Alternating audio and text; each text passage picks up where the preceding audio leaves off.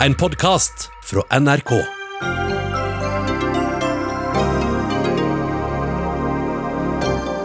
Ikke reis til utlandet, sier regjeringa, men åpner samtidig for at rådene kan endre seg.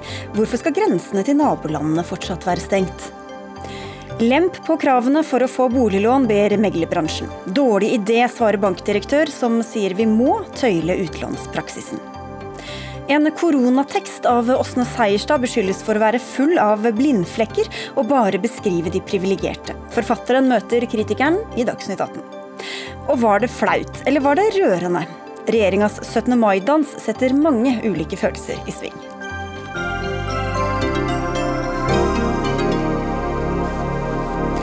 God fredagskveld, dette er blant sakene i Dagsnytt 18 med Sigrid Solund i studio. Unngå utenlandsreiser, i hvert fall inntil videre. Det er regjeringas siste reiseråd som ble lagt fram i ettermiddag. Dermed kan mange se langt etter Middelhavet og palmesus denne sommeren. Eksisterende reiseråd varer da fram til 20. august. Og utenriksminister Ine Eriksen Søreide, ingen reiser som ikke er strengt nødvendige, sier dere. Hvorfor fortsetter dere den praksisen? Vi fortsetter reiserådet fordi situasjonen er veldig uoversiktlig i hele verden, også i Europa. Det er fortsatt mange nordmenn som trenger hjelp av ambassadene til å komme seg hjem. Og vi opplever at mange land fortsatt ikke har nådd smittetoppen. og Dvs. Si at de både har sterke restriksjoner på inn- og utreise, på reise internt i land. De har karantenebestemmelser og strenge smitteverntiltak som gjør at nordmenn på reise opplever problemer. Og så er det en del av vurderinga vår også, eh, både hvordan smittesituasjonen er i Norge, men også om det er mulighet til å få helsehjelp på en god måte i de landene man reiser til. Men hva regnes da som strengt nødvendige reiser? Ja, Vi har ikke noen klar definisjon av det, fordi dette er jo et reiseråd og ikke et forbud. Men typisk vil en feriereise ikke være strengt nødvendig. Og hvis du trosser reiseforbudet, hva skjer da? Ja, som sagt så er det ikke et reiseforbud, men et reiseråd. Reiserådet, da. ja. Men det kan jo allikevel ha noen konsekvenser. Det ene er at du vil ikke få samme type hjelp av Utenriksdepartementet hvis du kommer i problemer. fordi en av årsakene til at disse reiserådene eksisterer, er jo at vi også vurderer hva slags hjelp vi er i stand til å yte hvis noe skjer. Og akkurat nå, under pandemien, så er jo også våre utenriksstasjoner, altså våre ambassader, også mindre bemanna fordi vi er underlagt de samme smittevernhensynene som andre i det aktuelle landet. Og Det andre du må sjekke, er jo hvis du allikevel bestemmer deg for å reise, så må du sjekke at reiseforsikringa di faktisk gjelder, og hva den i så fall dekker. Altså Du kan risikere å bli sittende igjen med en veldig høy regning sjøl, f.eks. For, for sykehusopphold. Bli med oss videre, Søreide. Det er veldig mange nordmenn som reiser til, nei, til, Sverige og til Danmark i eh, ferien. Helsedirektør Bjørn Gullvåg, hvorfor åpner dere ikke for reiser til disse andre nordiske landene? Nå har eh, regjeringen sagt at de innen den 15. juni eh, kommer til å vurdere å gjøre unntak for de nordiske landene. Så her gjøres det en konkret vurdering om når det kan være aktuelt å åpne opp for Norden.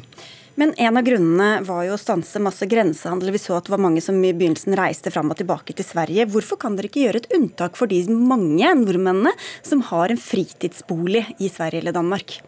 Nå er det først og fremst et politisk ansvar å ta stilling til hvordan disse reiserådene som skal praktiseres i forhold til utlandet, men, eh, eh, det er deres råd som ligger til grunn, da, eller anbefalinger?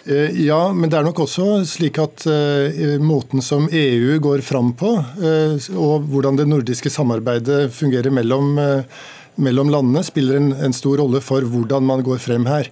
Da kan vi jo sende spørsmålet videre til deg, da, Søreide. Ja, Vi har jo, som eh, helsedirektøren helt riktig sier, eh, gjort vurderinger som er veldig på linje med de vurderingene EU nå gjør. Og Der snakker man om en veldig gradvis og forsiktig åpning, og da er det typisk naboland som er de første man vurderer. Og Det er også det første vi vurderer. Så vi har sagt at eh, innen 15.6 så skal vi ha gjort en vurdering om det er mulig å gjøre unntak fra Reiserådet for reiser i Norden. Det forutsetter at smittesituasjonen både i Norge og i de nordiske landene er på et nivå som gjør det forsvarlig. Og det forutsetter også at vi gjør det samme. Dvs. Si at nordmenn da også kan reise til Danmark og Sverige f.eks. Men vi skal også huske på at vi har nettopp begynt en gradvis og forsiktig gjenåpning av det norske samfunnet. Vi følger jo først og fremst smittesituasjonen i Norge. Så gir vi råd og vurderinger på hvordan nordmenn kan bevege seg trygt i Europa og verden.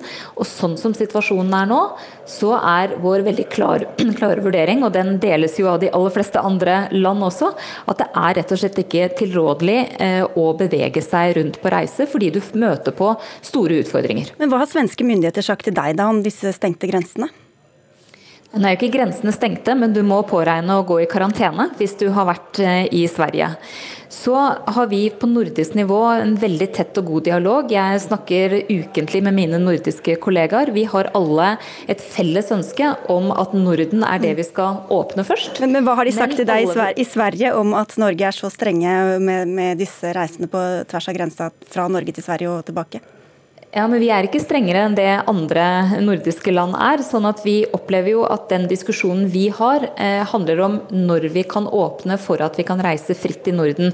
Og Det er et felles ønske vi alle har, men vi må vurdere smittesituasjonen i eh, vårt eget land og de andre landene før det er trygt å tilrå at nordmenn kan reise uten å møte problemer og uten å oppleve enten en stor smittesituasjon eller at man tar med smitte tilbake til Norge. Men, nå snakker vi om de mange som har altså fritidseiendommer fra nord til sør eh, av nordmenn i Sverige. Og hva er det ved smittesituasjonen langs svenskegrensa som gjør at det er tilrådelig å ikke la folk få reise til fritidseiendommene sine? Ja, Nå er ikke jeg den som skal svare på hvordan den nøyaktige smittesituasjonen er langs grensa, men det vi har sagt, og som også helsemyndighetene har vært klare på i et av de eh, rådene som de har gitt nå i dag, er at vi ønsker å se Norden som en enhet. Og Det er jo fordi vi er vant til å reise mellom nordiske land. Vi er vant til at vi kan ferdes fritt, og vi har et veldig sterkt ønske om å få det til. Men det er altså ikke lang tid til vi skal få den vurderinga gjort av om det er tilrådelig eller ikke. Og jeg tror vi skal huske på, selv om vi nå begynner å åpne gradvis opp og, og, ting ser ut til å gå mer til det normale, at vi er langt fra en normalsituasjon når det gjelder reising i Europa og verden. Og vi er altså i en situasjon med en pandemi som slår ut hele verden og som gjør at det er restriksjoner, og ting er annerledes. Eh, og så tror jeg vi alle har behov for å åpne opp så fort vi kan. Det er jo ingen som har lyst til å ha restriksjoner lenger enn nødvendig, men vi må også tenke på hva vi kan tilrå nordmenn å gjøre, så de skal kunne ferdes trygt rundt omkring i men, Europa. Men de har jo altså åpnet altså dette mye omtalte hytteforbudet i Norge, det gikk man jo tilbake på. Så tilbake til de som har eiendom i, i Sverige eller Danmark. Hvorfor kan man ikke differensiere og ha egne regler for dem, når man kan vise fram et skjøte f.eks., i stedet for å se hele hele Norden under ett og frie reiser eh, overalt man vil? Jeg tror det er mange som har ønske om å kunne reise både til Sverige og til Danmark og til andre land. Men den vurderinga vi må gjøre, er både av smittesituasjonen, det er av hvor tilrådelig og trygt det er å kunne ferdes fritt imellom, og det er ikke minst hvilke smitterestriksjoner og smitteverntiltak de ulike landene har iverksatt. Det må være på et nivå som er forsvarlig, hører vi her. Eh, Gullvåg. Hva betyr det egentlig? Nei, Det betyr at eh, det er rimelig god kontroll over eh, smitten eh, i de landene som vi skal ferdes i. Og Det er ikke noe eksakt tall i forhold til det, det blir en skjønnsmessig vurdering. Og Her vil også de nordiske landene samarbeide tett om å gjøre disse vurderingene. Men hvis situasjonen fortsetter slik den gjør nå i de nordiske landene, vil det da være grunnlag for å åpne om en måned? Vi vil nok gjerne se hvordan dette utvikler seg i Sverige og forsikre oss om at eh, smittesituasjonen eh, går i riktig retning også i Sverige. Det ble åpnet, eller sagt på denne pressekonferansen i dag, at for de altså reisende til Norge som skal arbeide her, så kan man erstatte denne karantenen med en slags selvvurdering. Eh, hvorfor skal det gjelde de som kommer til Norge, og ikke nordmenn som skal reise til andre land og tilbake? Det kan også komme til å gjelde nordmenn som skal reise til andre land og tilbake, men det er jo da et system som vi må etablere godt og informere grundig om, slik at det ikke skaper stor forvirring om hvem som skal gjøre de ulike tingene. Men vi har tenkt at også eh, hvis vi åpner opp eh, mellom de nordiske land, at det vil være en slik eh, egenvurdering av helse, og at en da raskt tar kontakt med helsetjenesten og blir testet hvis man, ut, hvis man, utvikler symptomer. Men det er litt for tidlig å få etablert dette systemet, og det vil da i tilfelle gjelde bare for liksom den indre kretsen av nordiske land, mens karanteneordningen anbefaler vi at skal opprettholdes for de som kommer fra øvrige steder i verden. Det ble også sagt i dag at også eldre, som er i en, si, en liten risikogruppe, men ikke de aller eldste, også kan reise på tur. Hvilke um, vurderinger og kriterier skal de gå etter når de vurderer om de skal bestille seg en reise eller ikke? De eh, som er eh, under 80 år og som er helt friske, kan i den situasjonen vi nå er i, bevege seg fritt som andre i befolkningen. Det er veldig liten risiko for at eh, de får alvorlig sykdom, og nå er det veldig lite smitte. Men de som er enten over 80 år eller som er over 65 år og som har én sykdom, eller eh, over 50 år og som har to sykdommer. Eh, de, er i, ja, de er i høyrisikogrupper, og de må være mer varsomme. Og så har vi snakket om barn og eldre slektninger som en stund har blitt fortalt at de kan møtes, men da bør det skje utendørs og med en viss avstand. Hvordan er det nå, kan barn klemme på besteforeldrene sine igjen? Der er det også slik at Vi skiller da mellom de som har eh, en lett forhøyet risiko, og de som har en moderat eller høy risiko. Og De som har lett forhøyet risiko, igjen, så er det altså besteforeldre som da eventuelt er under 80 år, og som er helt friske ellers, som ikke har sykdommer. De kan i den situasjonen vi er i nå, planlegge å være sammen med barnebarna sine. Det vurderer vi i, i, denne situasjonen som trygt. Naturligvis så må man passe på at ingen er syke, og at øh, at uh, man ellers uh, holder seg liksom til den lille gruppen av familie, men med, med, besteforeldre og eventuelt foreldre og barnebarn. Du har selv hytte på Koster ved svenskekysten. Tror du at du får reise dit i sommer uten å måtte sitte i stua i ti dager når du kommer hjem? Nå er, nå er dette helt uvesentlig for de valgene her, men jeg håper jo i løpet av sommeren at jeg får anledning til å besøke dette stedet. Takk skal du ha, helsedirektør Bjørn Gullvåg, og takk til deg, utenriksminister Ine Eriksen Søreide. Dagsnytt 18 alle hverdager klokka 18.00 på NRK P2 og NRK2. En etter en av landets mange næringer har fått egne økonomiske ordninger under koronakrisa. Men landets 25 000 profesjonelle kunstnere mener de faller mellom to stoler. Allerede 12.3 var kunstnerne på banen for å presentere grunnlaget for en egen kompensasjonsordning.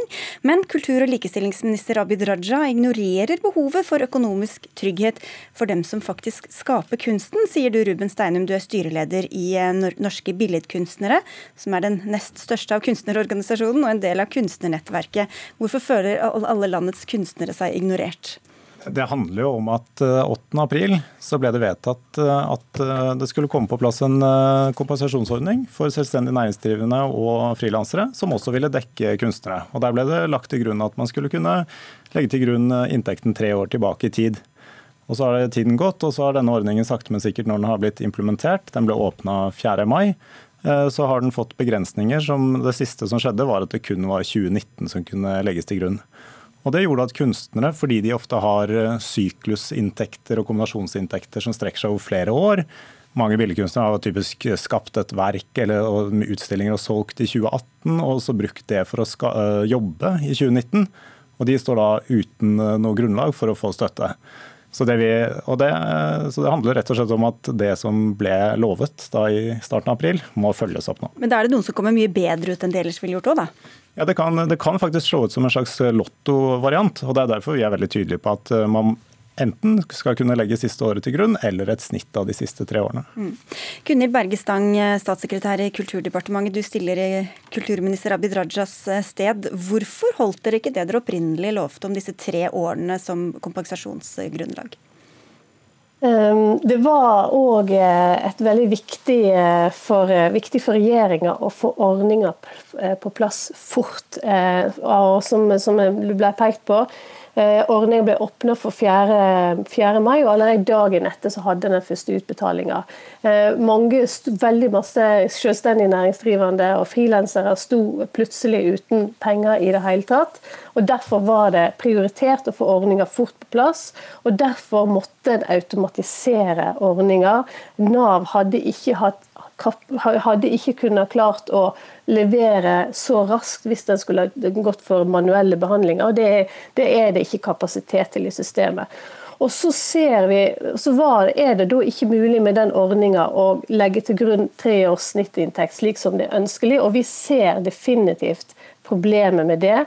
og Derfor så jobber vi nå med å se på andre muligheter for å støtte opp under kunstnerne i dette tilfellet. og Vi har fått masse gode innspill, og vi jobber med saker. og Vi kommer tilbake så raskt som råd med forslag til løsning. Ok, Så en rask og gjennomførbar løsning framfor en fullgod en, da, Steinum?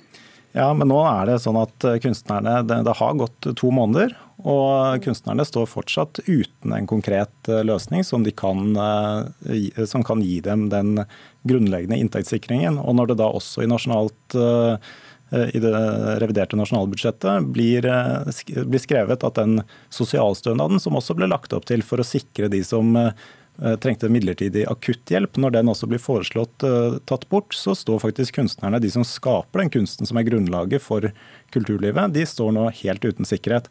Og det, er derfor, det er jo det vi forventer at man er tydeligere på at faktisk skal komme på plass, sånn at kunstnerne blir sikra.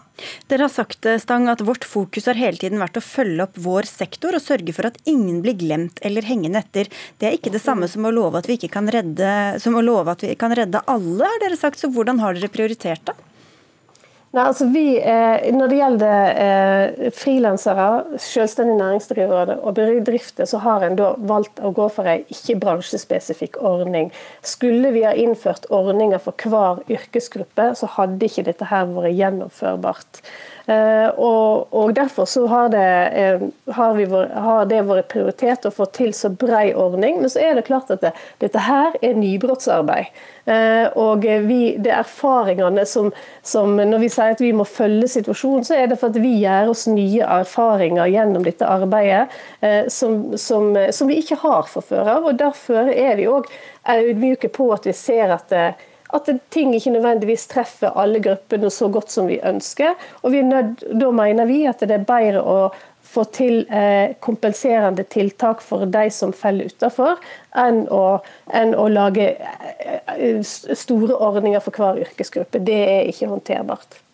Men vil du da garantere at kunstnerne kommer til å få en inntektssikring? For det er det som eh, fremdeles er uklart for meg, om det faktisk, om det du sier nå er at eh, du garanterer at eh, kunstnerne vil få en, en kompensasjonsordning. For det er viktig, Kunstnerne er langt på vei en av de viktigste delene av næringskjeden som utgjør kulturlivet.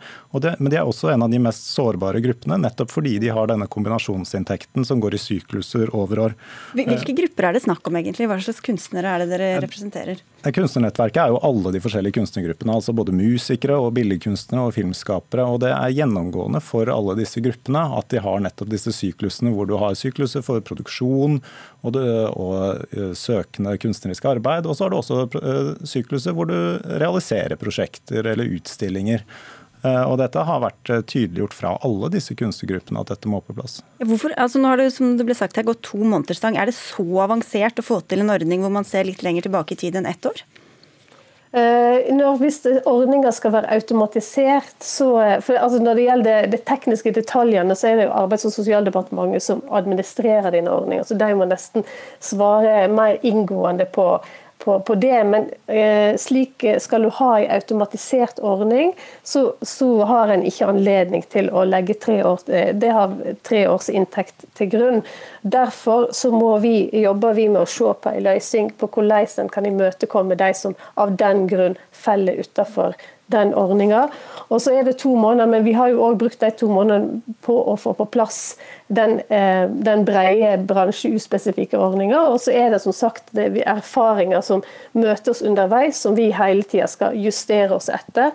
Eh, og så er det jo sånn at det, eh, Enn så lenge så, så har, i alle fall, har, har vi nå en sosialhjelpordning som også Eh, som, der en også er lempa på kravene, som, som kan hjelpe de som står i en umiddelbar krise.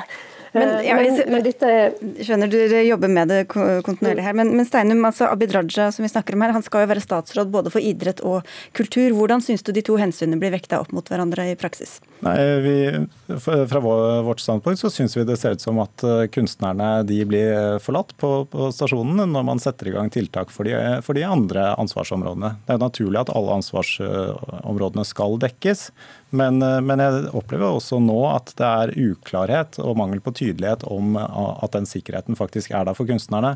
Jeg oppfatter det som positivt at det nevnes denne sosialstønadsordningen, for den forventer vi at da i alle fall må være på plass nå, sånn at dette ikke er noe tvil for de kunstnerne som står der ute nå og sliter med å betale regninger, at de har eh, mulighet for å få en sikra inntekt. Ti sekunder til slutt, Stein. Nei, altså jeg tenker at det, Dette her er- handler ikke om å sette ulike aktører opp mot en annen. Det er eh, idretten og frivilligheten og eh, lag- og organisasjonslivet og media. Vi er, det er veldig mange aktører som har en utfordring, og ikke minst har vi vært veldig opptatt av, eh, av eh, frilanserne og kunstnerne. Det er det er veldig viktig for, for oss. Det som er at når Det var mer enn ti sekunder. Ja, ok. Men det er ulike ordninger til de ulike aktørene. Og derfor er så, ja. Vi får se hva som kommer. Takk skal dere ha begge to. Gunhild Bergestang, statssekretær i Kulturdepartementet, og Ruben Steinum, som er styreleder i Norske Billedkunstnere.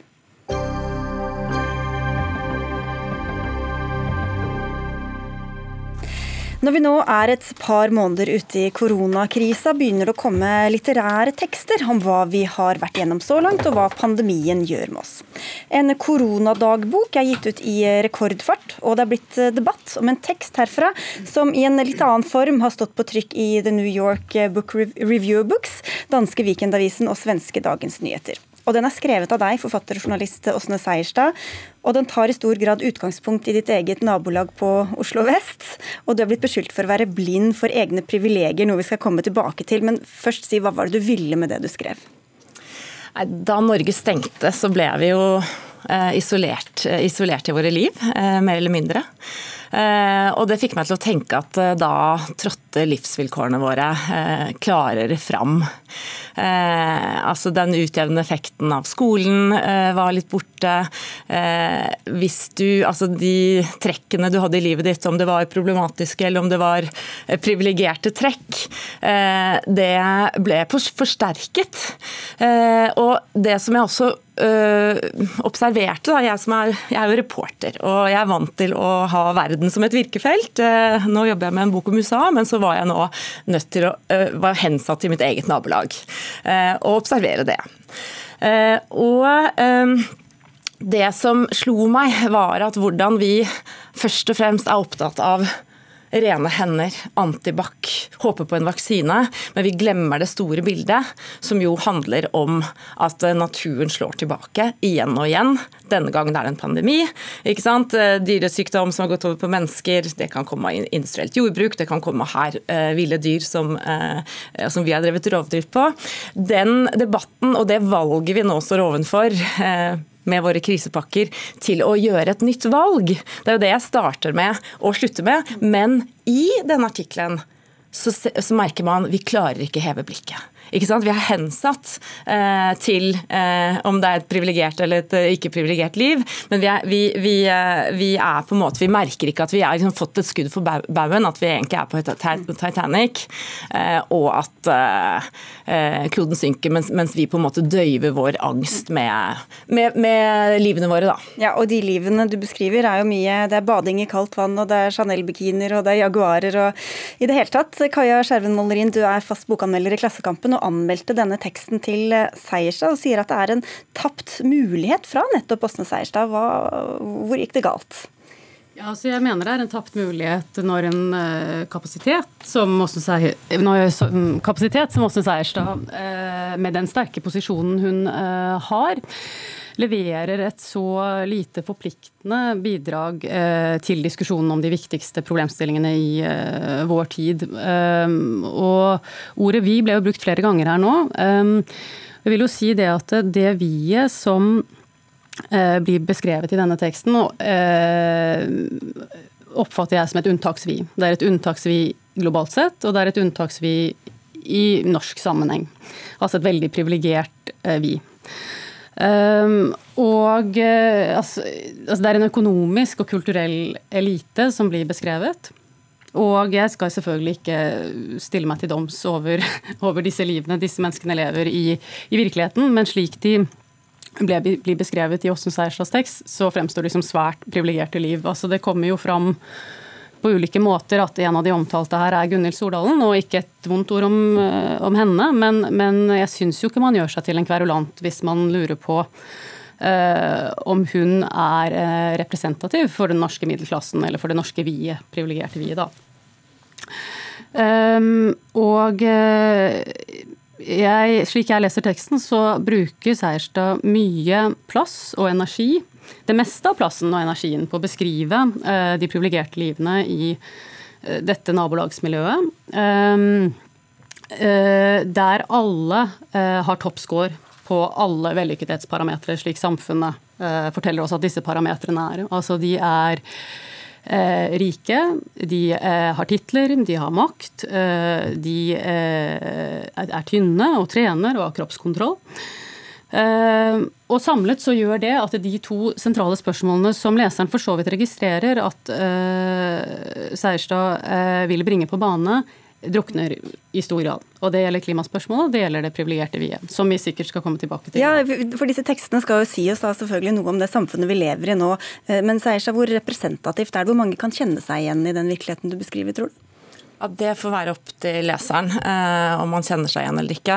Um, det er klart at um, Dette er jo også en øyeblikksskildring. Uh, det er nok en skildring som jeg nesten ikke kunne skrevet nå, men som ble skrevet for ja, hva er det, tre-fire uker siden.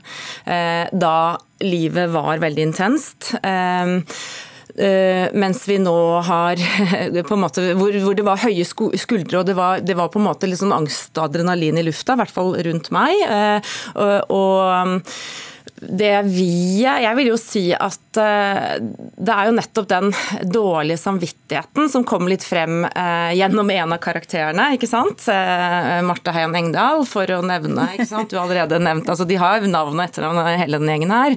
Som jobber i Noref. Mm. ja, det er tatt vekk i, teksten, men siden du har allerede brakt på bane, så er det noe med at som, som, som, som løper rundt med en frykt som handler om hva når pandemien når Gaza og Jemen og Syria. Ikke sant? Eh, hva gjør vi da? Og det, det, det vi-et, det kan man jo eh, også Hvordan du definerer det eh, De fleste nordmenn, eller så å si alle nordmenn, vi lever med ansvarlige myndigheter. Og det er det veldig mange land i verden som ikke gjør. Vi lever med et sikkerhetsnett. Og vi lever ikke minst med et oljefond. Så sånn sett er jo vi som nordmenn så å si alle, selv om jeg selvfølgelig vet at det er klassemotsetninger i Norge, at det er ulike klasser, eh, og at eh, det er annerledes. Og eh, disse gatene oppe på Sankthanshaugen, livet der er annerledes enn folk som er blitt permittert, eller som eh, frykter for bedriften sin. Eh, men jeg tenker vel uansett at vi nordmenn har vanskeligheter for å ta inn over seg både de enorme miljøkatastrofene mm. som kan komme til å stå på vent, og den enorme forskjellen mellom oss i Norge mm. og resten av verden. To kommentarer til dette. Den ene om klima, den andre om vi-et.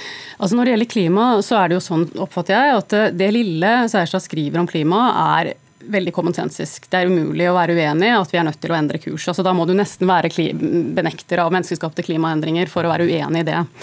Um, og hun kommer, slik jeg leser teksten, i veldig liten grad, ikke, ikke det hele tatt egentlig, med noen tenkning rundt, eller refleksjon rundt, uh, rundt klimaspørsmålet i det hele tatt. Altså det kunne jo f.eks. være betimelig med en refleksjon rundt det at, altså at den pengesterke eh, delen av befolkningens forbruk, eller overforbruk, eh, er jo en del av klimautfordringen. Og slik menneskene blir beskrevet i denne teksten, så svarer jo enkelte av dem på koronapandemien ved nettopp å kjøpe ting. Men jeg vil bare, for Det er jo mange som ikke har lest teksten eller din anmeldelse, for den saks skyld, men dette er jo en debatt som har gått også i andre land. og Hvilke stemmer kan man si er eh, fellestrekket for, det, for den kritikken som kommer mot hvilke stemmer som blir hørt i, midt oppi denne pandemien, Molrin?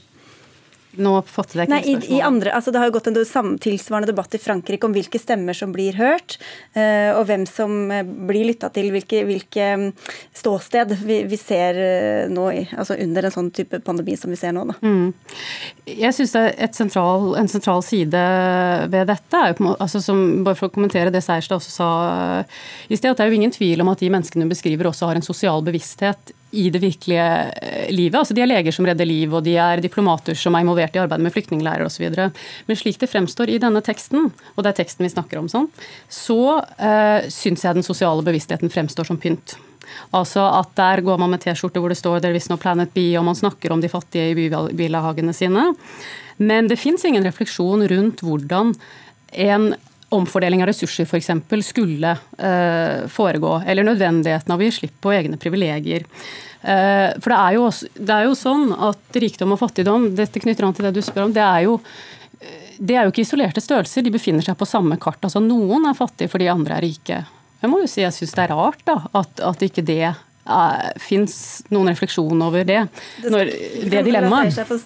Altså, jeg vil kanskje si at det ville vært en artikkel to av denne. Uh, og når du sier at uh, miljøbevisstheten i artikkelen eller momentene der er kommensensisk, og ingen er uenig i det, det er jeg i hvert fall helt uenig i. Jeg, jeg, sa ikke ingen. Nei, nei at de fleste, altså kommensensisk, altså Se på hva regjeringen gjør nå. Har du sett noe som helst signal om at de endrer kurs i, for, i, forbindelse med de milliardene som vi nå gir ut. Kunne nå, du ikke skrevet om dette, da? Jeg har skrevet om det til slutten. At nå har vi mulighet til å endre kurs. Det er ikke gitt inn med teskje, for jeg forventer faktisk at leseren tenker selv og fyller inn. Og ser det er ganske mye å fylle inn, da. Ja, det må de gjerne gjøre. Men, men, men, det at vi har et valg nå til å endre kurs Jeg ser ikke et eneste signal fra denne regjeringen eller andre land om at det faktisk skjer. Så, så der er vi Dette er vi ansvarlige for alle sammen å følge med på. Det får komme oppfølgere, så får alle andre gå inn og lese i noen av de stedene og på din anmeldelse på Glasskampen og avgjøre selv. Takk skal dere ha i hvert fall for at dere kom, Åsne Seierstad og Kaja Skjerven Måleri.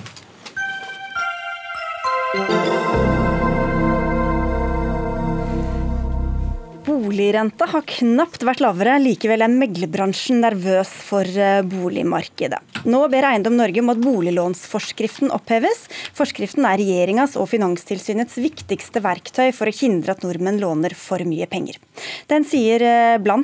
at boligkjøpere ikke får eh, låne mer enn fem ganger inntekt, og at de må ha 15% egenkapital og tåle en renteoppgang på 5 prosentpoeng. Men i forbindelse med koronautbruddet vedtok Finansdepartementet å gjøre det lettere for banken banken å gå rundt forskriften. og Det vil dere altså at skal fortsette, Henning Lauritzen. Du er administrerende direktør i Eiendom Norge. og Hvorfor passer ikke denne forskriften i dagens situasjon, mener du? Det er tre grunner til den ikke passer. Og, og det første er at den trengs ikke lenger. Altså Korona har ryddet behovet eh, unna. Og det andre er at den passer ikke lenger. Eh, den har bestemmelser som er helt eh, på grensen til absurde. F.eks. har den en bestemmelse om at man må, skal tåle 5% renteøkning. Det er ingen som tror vi kan få 5% renteøkning. Og så Det tredje er at den er veldig usosial. Altså Boliglånsforskriften sier jo på mange måter at de uten foreldrebank de skal ikke få låne. Men sånne på min alder, vi får låne eh, så mye penger vi vil omtrent. Så, eh, så vi syns de tre grunnene gjør at uh, nå kan vi få den bort, og så kan vi heller innføre den i fremtiden hvis det blir behov for den igjen. Endre Jo Reite, du er kredittsjef og direktør for personmarkedet i BN Bank. Eh, og du har slett ikke lyst til å fjerne denne forskriften. Hvorfor passer ikke det nå, mener du? Nei, nå føler jeg at vi akkurat har blitt reddet av et myndighetsskapt sikkerhetsnett. Hvis vi ser tilbake i perioden før reguleringene av bolig, boliglån kom, så ville en tredjedel av kundene hatt lån nær pipa. Eh, og Vi så hvordan bankene da reagerte i 2008-2009 i forrige finanskrise. Vi reagerte med å trekke til oss fingrene og si at alle måtte selge før de kjøpte. Eh, boliglånsforskriften gjør at eh, kundene nå har en buffer i økonomien og har robust økonomi. Og vi kan være fornuftig og sindig og unngå at vi får et brått pristopp. Så rett etter at vi har blitt reddet av forskriften, så sier da de som vil bli hardest rammet av at den ikke var der, at vi skal ta den bort. Ja, altså, Her er jo situasjonen at uh, vi har en omsetning av boliger som er på 90% av det som er vanlig. Det betyr færre lån enn vanlig og mindre vekst. Nyboligbyggingen har bremset kraftig, det betyr mindre lån og mindre vekst. Og så ser vi en moderat prisvekst på boliger. Sånn at eh, her er egentlig ikke behov her. Og det vi må huske på at boliglånsforskriften er midlertidig for ett år av gangen. Og så har man gjort et midlertidig unntak fra en midlertidig forskrift. Da passer det å ta den bort, og så kan vi heller innføre den om tre år igjen. Men det at den ikke behøves, det har vel ikke så mye å si, for da er den jo ikke i veien heller? Altså I øyeblikket så kan man si at den eh, ikke behøves, eh, eller ikke har noe betydning, fordi den midlertidig er satt ut av spill av midlertidig unntak fra midlertidige regler. Dette høres jo litt absurd ut, men sånn er det faktisk. Eh, men hvis den skulle tre inn igjen, så vil den fortsette å ramme f.eks. unge som skal inn på boligmarkedet. Og hvis den da ikke trengs lenger, så er det veldig betenkelig. Og Den ble jo laget til en helt annen situasjon enn den vi befinner oss i nå, Reite. Hvorfor er den et riktig instrument i den situasjonen vi befinner oss i akkurat nå? Den er nok et av de få virkemidlene myndighetene har igjen eh, nå når renten, styringsrenten er satt i null. Eh, I tillegg så er det fine med boliglånsregulering, og det vet man etter 10-11 års erfaring med det fra andre land og forskning, at de virker dempende når prisene tar av. Og nettopp sånn som eh, det blir sagt her, de virker ikke dempende eller hindrende på markedet når markedet er moderat eller labert. Så det er en buffer som bremser rask prisvekst og gjør at vi får mindre prissvingninger, men den er ikke til hinder for folk som skal kjøpe. Og Her kjører man også unge boligkjøpere foran, men det er svært få unge som blir rammet av denne forskriften. De, de som blir hardest rammet, er de som vil kjøpe sekundærboliger. Den medfører at prisene stiger mindre og er lavere enn de ellers ville vært, og gjør det lettere eh, for unge å komme inn i boligmarkedet. Ja, Er det eh, investorene du skal snakke varmt for, Lauritzen? Nei, investorene de behøver ikke bry så mye, mye om i denne sammenhengen. Men vi må tenke på at dette er en ganske inngripende regulering i bankenes mulighet til å drive bankhåndverk. Og det er også noen som rammes av dette. altså korona. Det er noen som må ta byrden for, for at vi skal beskytte de svake i samfunnet. Og her bruker vi de gruppene som skal inn på boligmarkedet, som, som på en måte en slags ofre for å sikre at kredittveksten i samfunnet ikke blir så stor. og Det syns jeg er en veldig merkelig ting å skulle gjøre. Vi kan, vi kan se på noen av disse bestemmelsene som er i forskriften. Altså, eh, Man skal tåle 5 renteoppgang. Eh, jeg tror ikke Endre Jo Reite eller noen andre tror at vi kommer til å få det i fremtiden. Nei, hvor, vi kan høre, hvor sannsynlig er det, Reite, at, at renta kommer til å femdobles? Nei, det er ikke sannsynlig i det hele tatt. Femdobles ble helt feil, men plusses på fem prosentpoeng. Ja, Det er ikke det så stor forskjell på de to tingene. akkurat med det. Nei, det er noe med det.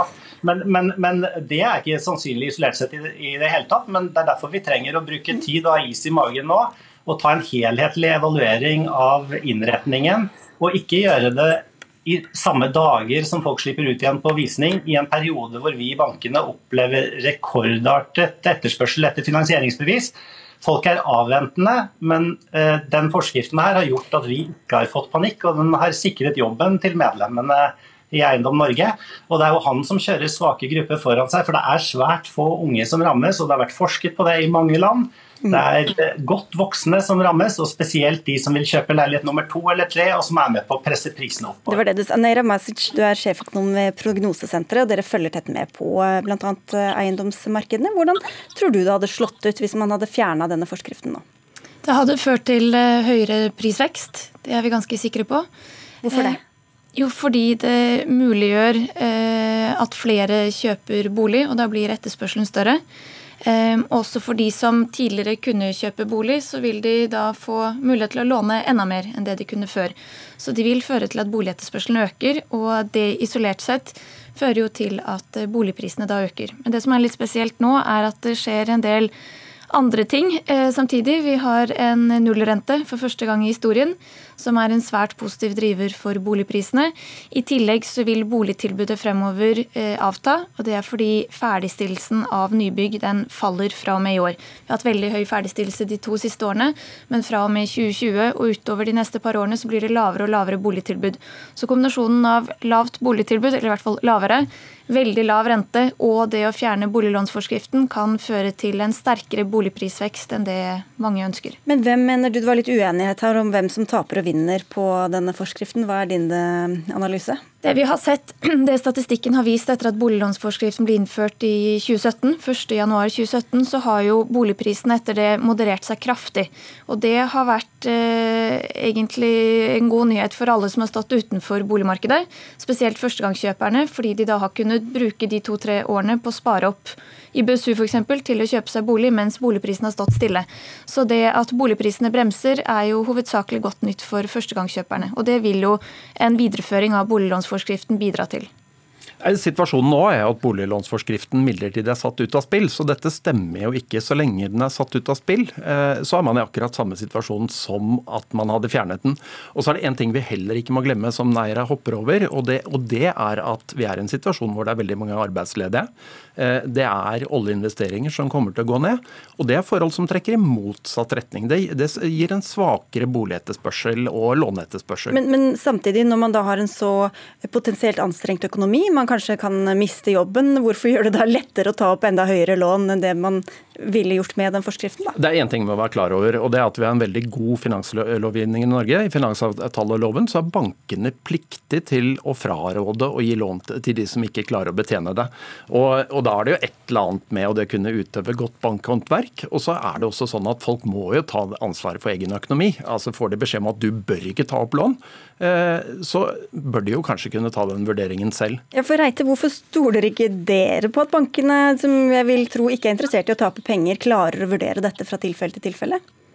Bankene klarte seg uten å tape særlig mye penger i, finanskrisen i 2008 òg. Eh, forskjellen er bare det at eh, den tvungne reguleringen vi har fått, har gjort at vi har vært mer forsiktige enn vi ellers ville ha vært. Og vi kan da ha mer is i magen i den situasjonen vi er nå.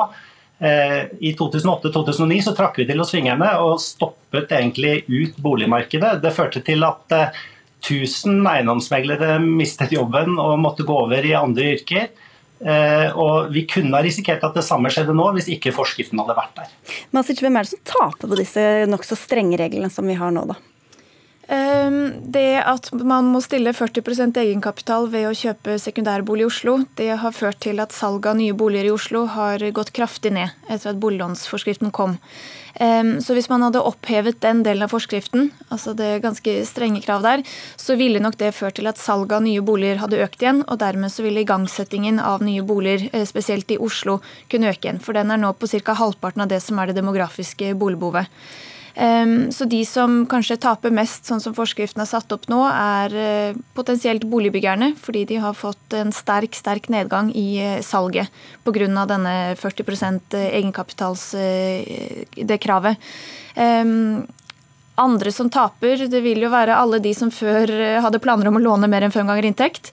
Og det som også er viktig å huske på, er at før vi fikk den boliglånsforskriften av 2017, eh, i tidligere år så fantes det kun retningslinjer. Vi fikk en eh, første forskrift i 2015, men før det så var det bare retningslinjer fra Finanstilsynet. Og da sa retningslinjene at man skulle kunne låne tre ganger inntekt. Det var vanlig før. Og så kom det et tak som var forskriftsfestet, og det var på femgangeren. Så det er jo ganske mye høyere enn det som var vanlig å låne før. Og likevel så er det mange som mener at det ikke er høyt nok. Ehm, og for et par tiår siden så var det i høyeste ehm, grad veldig mye å låne tre ganger inntekt. Så det er liksom viktig å sette litt i historisk perspektiv. Men det er også stor forskjell på de som har relativt grei inntekt, men ingen egenkapital, og de som har kanskje høy egenkapital og veldig lav inntekt. Ja, og det er fortsatt mulig å gjøre unntak fra disse reglene i 10 av tilfellene eh, på landsbasis. Så det er en del som slipper unna disse reglene dersom banken eh, ser at de har behov for ekstra hjelp, og de har troen på at disse kundene klarer å nedbetale lånene sine selv om de ikke tilfredsstiller kravene. Er det mange flere enn 10% som ønsker dette rettet? Ja, Det er mange flere som ønsker det. Det er spesielt mange godt voksne som ønsker å kjøpe leilighet for utleie. Spesielt nå når rentene er så lave som de er, så er det et godt regnestykke for mange. Og det er mange godt voksne som også ønsker avdragsfrihet på lånene sine, og som ikke får det innenfor forskriften i dag. Men de avvikene vi hadde før krisen, og den avviksprosenten som vi har, som er ganske stabil nå til tross for at det er sluppet opp litt på det, den prioriterer vi jo selvfølgelig mot nye kunder og etablerere. Rett og slett fordi at det er kunder vi kommer til å ha med oss lenge, som trenger å komme inn i boligmarkedet. Mens mange av de andre tingene er mer eh, ting man ønsker seg, men ikke trenger. Altså det å ikke betale avdrag på lånene, eller å kanskje kjøpe seg enda en leilighet for utleie. Og så er det vel én ting dere kanskje kan være enige om, Asic, og det er at 5 prosentpoeng økte renter det ser ikke ut til å skje med det første. Nei, men det er også viktig å presisere at den stresstesten bankene gjør, der tar de hensyn til, hensyn til, et budsjett som er veldig veldig stramt. Og jeg kjenner ingen som lever etter et så stramt budsjett. Eh, og Det er derfor også veldig mange slipper unna eh, å få grønt lys med denne stresstesten, selv om de i realiteten ikke hadde taklet 5 prosentpoeng høyere rente. Vi må si takk til dere alle tre der. Til Henning Lauritzen altså fra nei, til Eiendom Norge, til Neira Masic, sjeføkonom, sjeføkonom ved Prognosesenteret, og til Endre Jo Reite fra BN Bank. Hør Dagsnytt 18 når du vil. Radio NRK Radio.nrk.no. Obamagate, det største politiske lovbruddet i USAs historie. Det er i hvert fall hva den amerikanske presidenten Donald Trump mener. Men hva dette lovbruddet fra Trumps forgjenger går ut på, er ikke så lett å forstå ut fra Trumps tvitring og relativt korte uttalelser. Eller hva vet vi egentlig om hva Obamagate går ut på, korrespondent Anders Magnus? Obamagate er en konspirasjonsteori som er laget av Trump og hans tilhengere på høyresiden, som har uh, vart en stund nå, men den har fått uh, voldsomt oppsving de siste dagene fra særlig Trumps side. Det er veldig vage beskyldninger, og det er nok med hensikt. fordi hvis man hadde mer spesifikke beskyldninger, så kunne man jo ettergått dem og funnet ut om de var korrekte eller ikke. Det som ligger til grunn her, er en mistanke som Trump har hatt hele tiden, eller i hvert fall en teori han har lansert offentlig, om at han selv og hans eh, kampanje foran valget i 2016 ble avlyttet av Obama. Eh, sin eh, Obama-regjeringens etterretningstjeneste, og at Obama selv var ansvarlig for dette. Dette er påstander som har blitt tilbakebevist, men Trump og hans tilhengere på høyresiden sier nå at det er en uh, teori om at uh, disse etterretningstjenestene med Obama i spissen har uh, lansert denne aksjonen for å hindre at Trump skulle overta som president i 2017. Ida Jahr, førsteamanuensis ved Oslo Met. Hva var opptakten? Altså, vi hørte her at dette har svirret rundt en stund, men hvorfor blusset dette plutselig opp nå? Ja, Jeg er ikke ved Oslo Met, men nå er jeg ved Høgskolen i Innlandet. Men... Ja, det, gratulerer med det. men um, opptakten altså Dette er jo et forsøk på å relitigere, altså føre saken om Mullert-rapporten på nytt. Uh, og så det som de prøver å gjøre, som, som Anders Magnus sa, var, var å, å, å, komme med såkalte beviser på at Obama og Biden og uh, uh, Comey, James Comey, som, som, Trump jo sparket fra FBI, um, skulle ha kommet opp med en konspirasjon for å, for å avlytte Michael Flynn å frame Michael Flynn for eh, samarbeid med russerne, eh, på, på, eh, og dermed samtidig frame, frame Trump mm. for samarbeid med russerne. Og, og må, det de fremfører som, som, bevis på dette, skulle være da at eh, Flynn har jo, har jo, sagt seg skyldig i eh, å lyve til FBI om nettopp samtaler som han hadde med eh, Russlands eh, ambassadør. Eh, og de samtalene ble jo tatt opp. Eller samtaler om han som, eh, som Og om disse samtalene ble tatt opp. Eh, og det er det som, som, Trump nå lener seg på for å si at ja, men se her, de avlyttet Flynn ulovlig eh, på forhånd for å hindre at jeg skulle kunne være president. Mm. Men det er også Anders Magnus, en litt nyere samtale her som, som svirrer rundt. og Det er en samtale hvor Obama har kommentert Trumps koronahåndtering. Hva var det som skjedde der? Det er nok det som har utløst Trumps eh, raseri de siste dagene, fordi Obama hadde en samtale med sine eh, tidligere eh, samarbeidspartnere da han var i Det hvite hus, dette ble tatt opp. Det var en tele telesamtale som vi er så vant til i disse dager, og så ble den tatt opp, og så ble den lekket. Her sier Obama at Trumps håndtering av koronasituasjonen er kaotisk og katastrofal. Og han sier også at det som har skjedd i den siste tiden, at Justisdepartementet har droppet saken mot Michael Flynn, det er et trussel mot rettssikkerheten i USA. Og så skal vi jo huske på det at eh, denne, disse samtalene som eh, Michael Flynn hadde med den russiske ambassadøren, han visste jo, eller burde vite veldig godt at disse ble avlyttet, fordi man rutinemessig avlytter absolutt alle samtaler med russiske sendemenn i, i USA. Og Michael Flynn hadde jo jobbet i etterretningsapparatet, så han burde, eller jeg tror nok han visste at dette ble Eh, tatt opp, men det er altså helt standard, helt normalt å gjøre det, og ikke noe grunnlag for en konspirasjonsteori. Men Ida, er det en slags avlendingsmanøver vi ser her, eller? Ja, det vil jeg jo absolutt tro. Ehm, det er altså Man kan jo mistenke ut ifra Trumps egen håndtering av både disse eh, pressebrifingene som han har hatt med, med om koronakrisen og hans håndtering av spørsmål om dette, så kan man kanskje mistenke at eh, det ikke var han som fant på at eh, de skulle nå komme med denne avløyningsmanøveren. For han har jo ikke vært i stand til å forklare hva denne konspirasjonsteorien skulle være engang.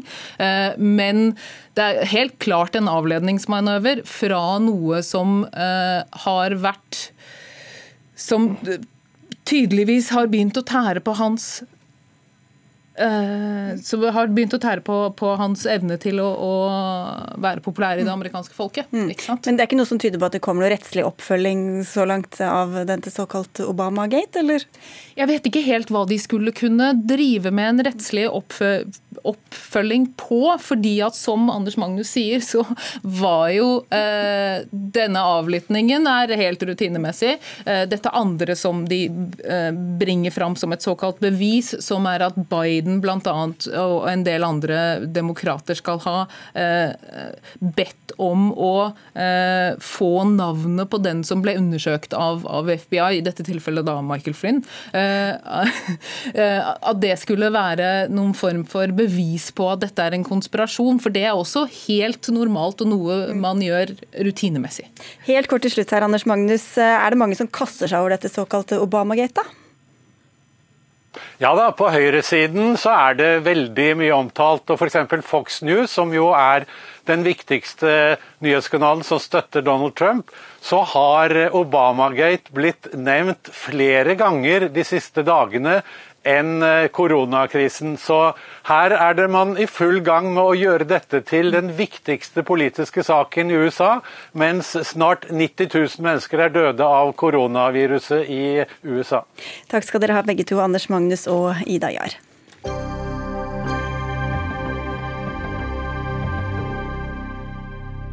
Enighet tror til Dovre faller!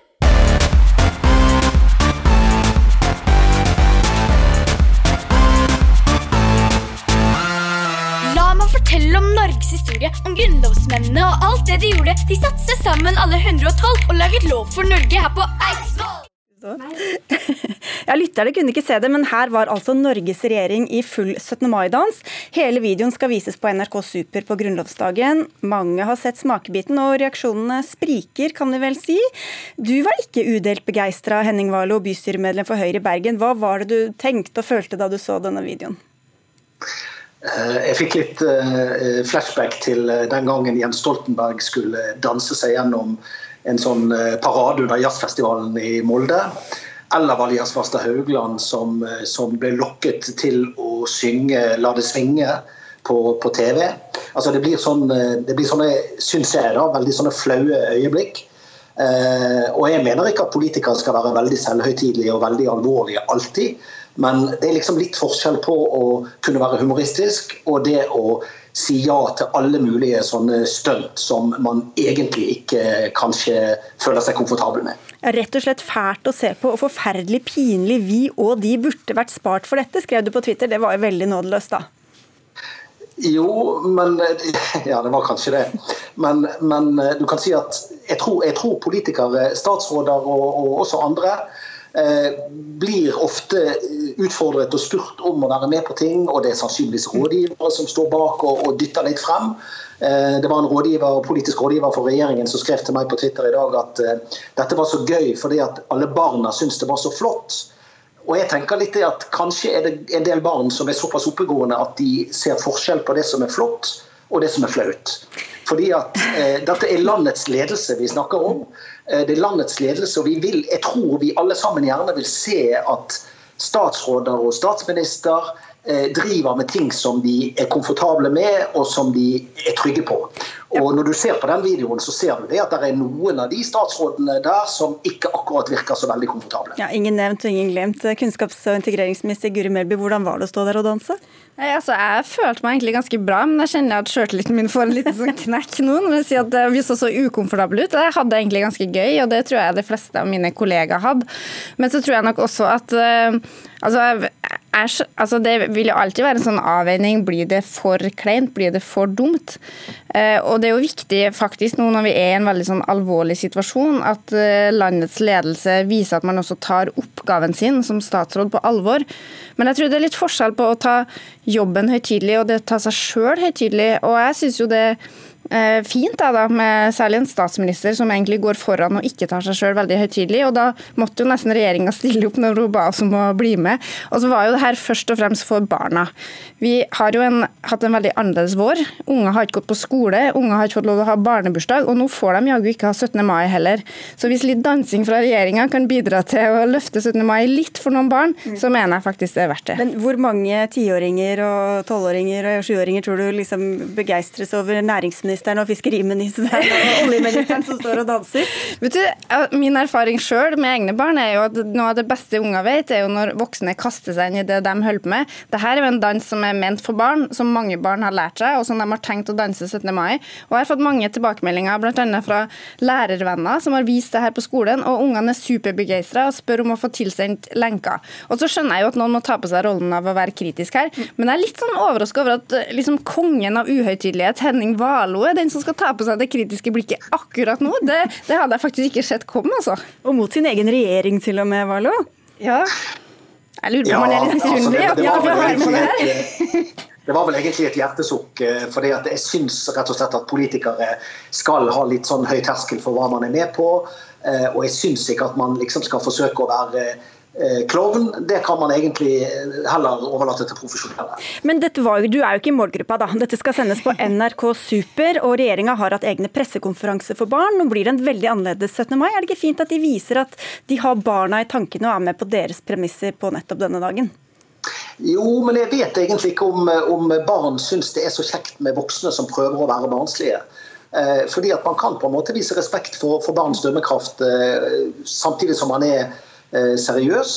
Uh, og dette, dette, er jo en video, altså Hvis dere tror at denne videoen bare blir sett av eh, barn og i Norge som skjønner konteksten, ja. så, så, tror jeg dere tar feil. Dette, dette, denne kommer til å gå, Den har allerede gått på, på, TV i mange land, og den kommer til å gå på sosiale medier. og det er liksom det er Norges ledelse, dette. Ja, dette er sånn regjeringa takler koronakrisa, Guri Melby? Ja, altså er det én ting jeg mener regjeringa har gjort bra i denne perioden, da, hvis vi skal drive med litt sånn Hvis det bare er én ting, så er det ja, ja. ja hvis det er en ting jeg føler meg ganske sikker på at vi har gjort bra, er at vi har tatt barn på alvor. Vi har hatt egne pressekonferanser fra, for barn. Jeg har fått masse tilbakemeldinger fra både barn og fra foreldre og folk som jobber med barn, om at de faktisk opplever at de blir både sett og hørt og tatt på alvor. Og jeg mener jo at det å gjøre noen ting barns premisser, gjøre en ting som barn faktisk gjør, er å ta dem på alvor. Jeg, da. Uh, så, så, jeg må si at jeg stusser litt over denne kritikken. Og jeg uh, opplever jo også at uh, ja, det kan godt hende at det her blir en hit, og ikke alltid alle kommer til å synes at det her er like kult, men det må vi faktisk leve med. Og, og jeg vil heller ha politikere som tør å dumme seg ut, enn å ha politikere som blir altfor høytidelige. Som Warloe var inne på, så er det ganske lett å se hvem som er komfortable. Hvem som tar av, hvem som skulle ønske det åpnet seg et stort hull i bakken. Var det frivillig å være med, eller? Ja, jeg vet ikke. Altså, jeg har jo ganske kort fartstid i denne regjeringa, så jeg liksom tenker at når Erna spør, så svarer jeg ja. Men det er mulig at noen andre føler det annerledes. Men altså, sånn, altså, jeg, sånn grunnleggende sett så mener jeg også at politikere må Når man skal være med på sånne ting som åpenbart er utafor komfortsonen, så må du sjøl være du må sjøl tenke at det her er greit for meg. Eh, og ingen skal la seg presse til å være med på ting de ikke liker. Eh, men jeg tenker at også vi Så, snakker du nå til barn eller til Norges regjeringsmedlemmer? Ja, for så vidt begge deler. Men jeg tenker at eh, det må også være lov for politikere å vise at vi har litt flere sider. Men hvis Henning Warloe syns det her er så kleint, så vil jeg i hvert fall anbefale han om å holde seg unna min og Henrik Asheim sin Facebook i morgen, for vi legger ut en video der vi ja, har en liten uh, uh, korpsmusikkseanse. Så, men jeg, jeg tror altså Det her er en veldig alvorlig tid. Det er veldig mye som er vondt og vanskelig. Uh, og hvis noe vi kan gjøre bidrar til å eh, gi et lite lyspunkt i dagen til noen, så syns jeg det er verdt det. Og litt irritasjon eh, skader jo ingen, Henning være Takk skal dere ha begge to, Henning Warloe og Guri Melby. Vi tar helg fra Dagsnytt 18 og ønsker god 17. mai. Dag Dørum, Hanne Lunås og jeg, Sigrid Solund.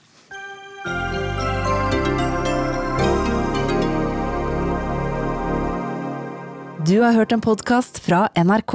Hør flere podkaster og din NRK-kanal i appen NRK Radio.